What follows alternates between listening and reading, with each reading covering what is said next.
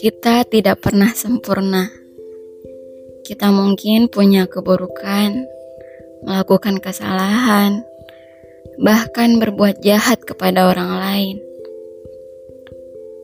Tapi beruntunglah yang mau berubah, berjanji tidak melakukannya lagi, memperbaikinya, dan menebus kesalahan tersebut. Berani mengucapkan selamat tinggal Mari tutup masa lalu yang kelam. Mari membuka halaman yang baru.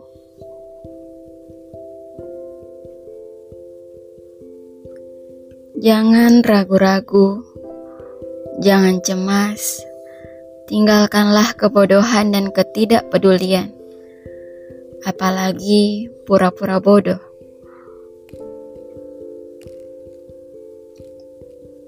Pura-pura bebal, keras kepala, tidak peduli saat nasihat tiba.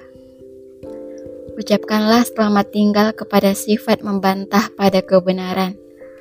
Selamat tinggal kepada selalu berkata tidak pada kejujuran.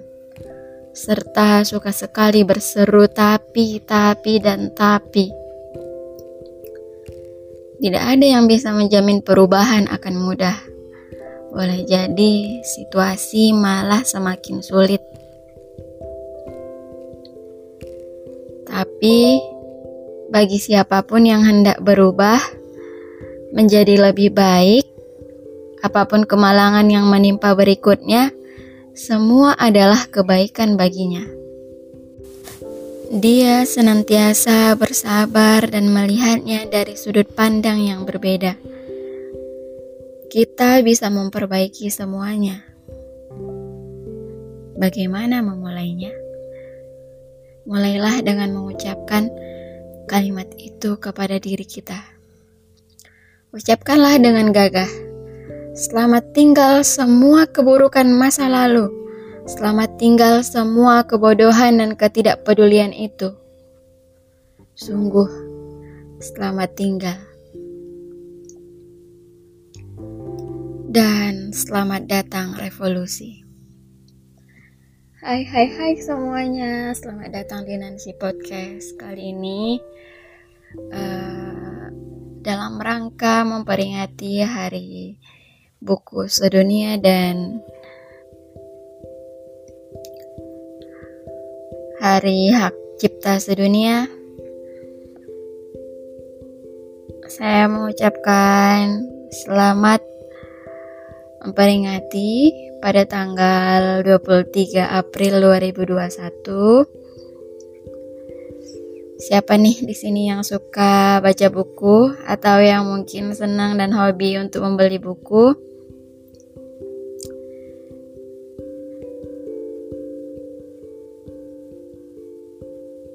Perayaan hari ini bisa kita jadikan sebagai ajang promosi tentang buku dan segala manfaatnya.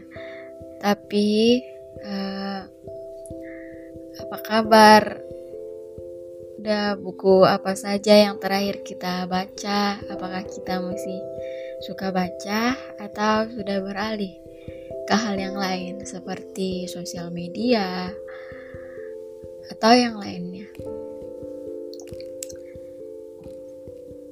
Selain itu, perayaan Hari Buku dan Hak Cipta ini adalah uh, petunjuk menjadi penghubung antara masa lalu dan masa kini, antar generasi.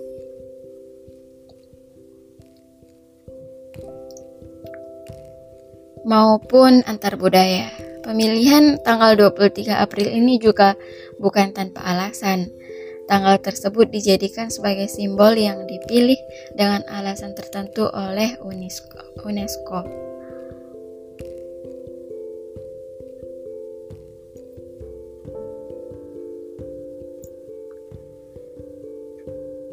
Tahu nggak sih kalau alasan pemilihan tanggal 23 April sebagai hari buku dan hak cipta sedunia ini ternyata merupakan hari kematian beberapa penulis terkenal seperti William Shakespeare, Miguel de Cervantes, dan Inca Garcilaso de la Vega.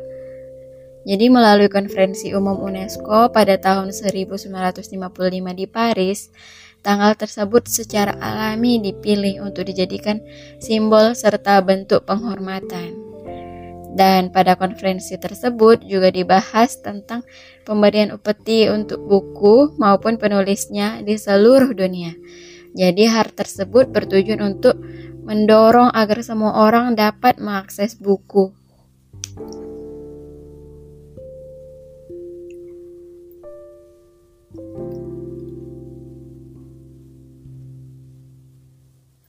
Di balik penentuan Hari Buku dan Hak Cipta yang telah disahkan oleh UNESCO, terdapat suatu cerita sebelum akhirnya menggunakan tanggal kematian dari beberapa penulis.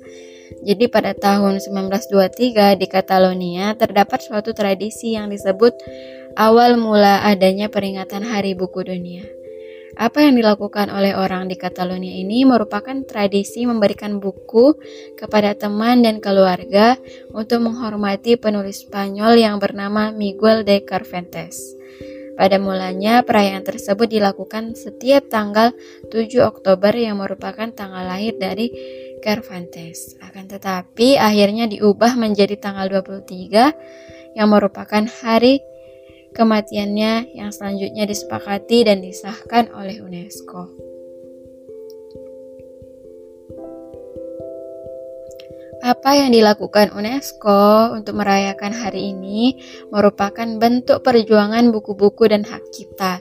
Selain itu, dukungan akan kreativitas, keragaman, dan akses yang sama untuk menerima pengetahuan dari segala tempat dan berbagai hal adanya dukungan dari berbagai pihak dan pemangku kepentingan seperti penulis, penerbit, guru, pustakawan, lembaga publik, lembaga swasta, eh, lembaga kemanusiaan, media massa, serta semua orang yang merasa termotivasi dapat bekerja sama untuk merayakan hari ini membuat perayaan hari ini menjadi suatu wadah yang dapat menyatukan jutaan orang di dunia. Karena ketika kita membaca buku, bisa membuka jendela dunia.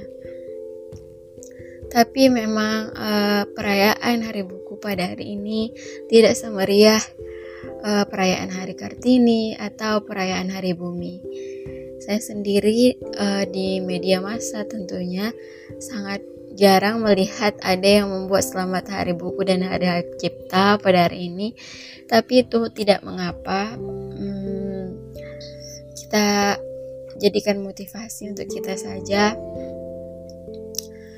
Um, dan tadi kutipan saya bacakan di awal itu merupakan kutipan dari buku Selamat Tinggal dari Terelie di mana dalam buku itu um, Bang Tere juga uh, sangat antusias atau intinya ingin mengedukasi kita semua supaya benar-benar mencintai buku dan menghindari buku-buku bajakan.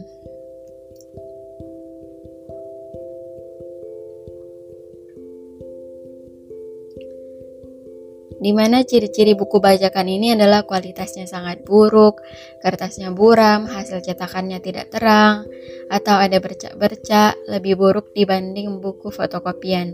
Bau tintanya menyengat dan bisa juga beracun. Jika kita bandingkan buku original dan buku bajakan, kita akan melihat bedanya yang sangat signifikan. Terlihat sekali bedanya.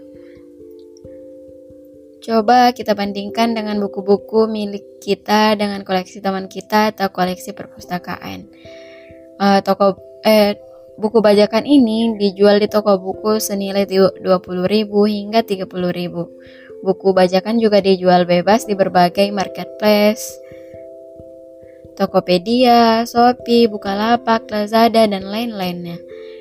Jadi berhati-hatilah saat membeli dan tanyakan ke toko buku yang menjual apakah produknya original atau bajakan. Lihat reviewnya, lihat produk lainnya. Biasanya ada banyak pembeli yang komplain tertipu. Selalu beli di toko yang memiliki nama dan reputasi baik, termasuk saat pameran buku di kota-kota kalian. Buku bajakan juga banyak dijual. Selalu perhatikan kualitasnya, bandingkan dengan buku yang kalian beli di toko resmi. Akan berbeda sekali. Kalau ciri-ciri e-book ilegal itu diperoleh dari WhatsApp, dibagi-bagikan lewat media sosial. Semua buku yang diperoleh dari WhatsApp, buku media sosial nyaris bisa dipastikan e-book ilegal. Diperoleh dengan mendownload gratis dari website yang memposting berbagai e-book. Itu juga dipastikan e-book ilegal, termasuk di website seperti Wattpad. Jika e-book dibagikan gratis begitu saja, itu kemungkinan besar ilegal. Jadi kita sebagai generasi muda uh, memiliki banyak cara untuk terus gemar membaca. Uh, saya sendiri uh, penikmat buku sejak hmm, sejak SMP dan sampai sekarang saya entah kenapa mungkin jika dihitung-hitung buku uang saya semua habis untuk beli buku. Uh, dan baru saja kemarin saya juga baru beli tiga buku Limitless, uh, Rain dan buku Haruki Murakami yang judulnya Norwegian Wood. Dan itu juga menghabiskan sekitar 400 ribu untuk tiga buku. Tapi saya merasa tidak merugi untuk membelinya dan Entah kenapa itu merupakan kebahagiaan tersendiri bagi saya memiliki buku asli, uh, membacanya dan lebih senang gitu. Kalau baca buku buku bajakan kan waktu dibeli pertama kali kadang lemnya lepas uh, dan tulisannya nggak asli uh, kertasnya nggak bagus. Jadi kurang gitu sensasinya Uh, saya sendiri juga masih belum banyak yang bisa dilakukan untuk uh, gerakan gemar membaca ini, tapi terlebih saya diri saya sendiri saya lebih perhatikan untuk lebih menghargai para penulis buku untuk membeli buku yang asli untuk tidak melanggar hak cipta dari penerbit buku. Semoga teman-teman semua juga dapat merasakan esensi dari peringatan Hari Buku pada hari ini. Apa kabar uh, para guru? Apakah sudah mengedukasi para muridnya untuk gemar membaca? terlebih dari masa pandemi ini uh, adik-adik dari SD, SMP atau SMA juga tidak bersekolah dan di rumah juga sepertinya jarang membuka buku. Membuka buku pun jika ada tugas dari guru dan hanya itu kita sangat susah menemukan uh, siswa-siswa yang benar-benar suka dan mencintai buku. Tapi uh, membaca buku itu bisa ditularkan. Uh, seperti kata Mbak Nana, kita perlu menemukan satu buku yang membuat kita uh, mencintainya. Cukup satu buku. Dan itu juga yang saya rasakan ketika uh, pertama kali membaca buku Eden Sor dari Andrea Hirata seketika itu uh, saya um, merasa menjadi tertantang untuk membaca buku lebih banyak lagi. Barusan juga saya dengar bahwa uh, kata Adi Lestari, kita itu harus menulis buku apa yang ingin kita baca.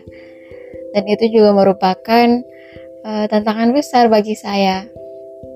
Di samping uh, kesibukan untuk kuliah tapi tetap mm, membaca tetap ingin menulis. Dan kemarin saya memberanikan diri untuk uh, mendownload KBM app. Dan di situ saya mulai menulis. Sejak kemarin sampai hari ini saya sudah menulis tiga bab. Dan mungkin belum sesempurna yang saya harapkan tapi kebiasaan ini perlu dibangun lagi perlu diciptakan lagi moodnya karena saya termasuk orang yang mood-moodan ya. Dari dulu sebenarnya uh, sudah banyak menyarankan untuk nulis di Wattpad atau nulis di Storyal di aplikasi lainnya. Tapi menurut saya uh, itu susah sekali gitu untuk mendapatkan pembaca. Tapi kembali lagi uh, ke motivasinya semua dimulai dari langkah pertama bukan? Jadi jika hari ini saya baru memulai untuk menulis dan pembacanya masih sedikit uh, tidak mengapa itu merupakan suatu proses. Setidaknya saya sudah memulai hari ini. Dan saya tidak mengira bahwa sampai hari ini mulai dari kemarin saya upload sudah ada 500 kali dilihat. Saya juga tidak tahu itu cuman melihat-lihat saja atau sudah baca. Yang penting saya sangat bahagia karena masih ada yang mau melihat walaupun hanya sekedar melihat itu sudah bersyukur sekali. Dan saya terus berusaha untuk menciptakan tulis-tulisan yang bisa bermanfaat, bisa menjadi dokter yang bermanfaat juga. Terus terang, hmm, banyak hal yang membuat kita uh, down. Apalagi ini dalam suasana puasa Ramadan, jauh dari keluarga, tapi itu semua bukan jadi alasan kita nggak punya misalnya uh, media seperti handphone atau laptop yang memadai untuk proses ini. Itu tak mengapa itu nggak nggak usah dijadikan alasan. Yang penting terus berkarya. Ini juga sudah lama saya nggak bikin podcast. Dan mudah-mudahan semakin sering lagi, semakin aktif lagi, dan semakin bisa membagi waktu. Jangan lupa untuk follow podcast ini dan putar juga podcast-podcast saya sebelumnya. Uh, bisa jumpai tulisan saya dokter menjadi dokter muslimah di KBM Up. Uh, mudah-mudahan saya bisa istiqomah untuk menulisnya. Bisa juga baca karya saya di blog nancy.com. Bisa temui saya di Instagram nancy underscore underscore atau di Facebook Nanti Sriwayuni Pulungan. Semoga kita semua semakin menghidupkan literasi di Indonesia terutamanya di Sumatera Utara khususnya di Mandailing Natal tempat kelahiran saya Semoga masyarakatnya semakin mencintai buku, pemerintahannya semakin mendukung literasi uh, kita sehingga kita bisa lebih maju dan bisa lebih aktif dalam uh, mencari ilmu, menuntut ilmu, berbagi dan terus menjadi manusia yang berkualitas. Oke, sekian dulu podcast kali ini. Assalamualaikum warahmatullahi wabarakatuh.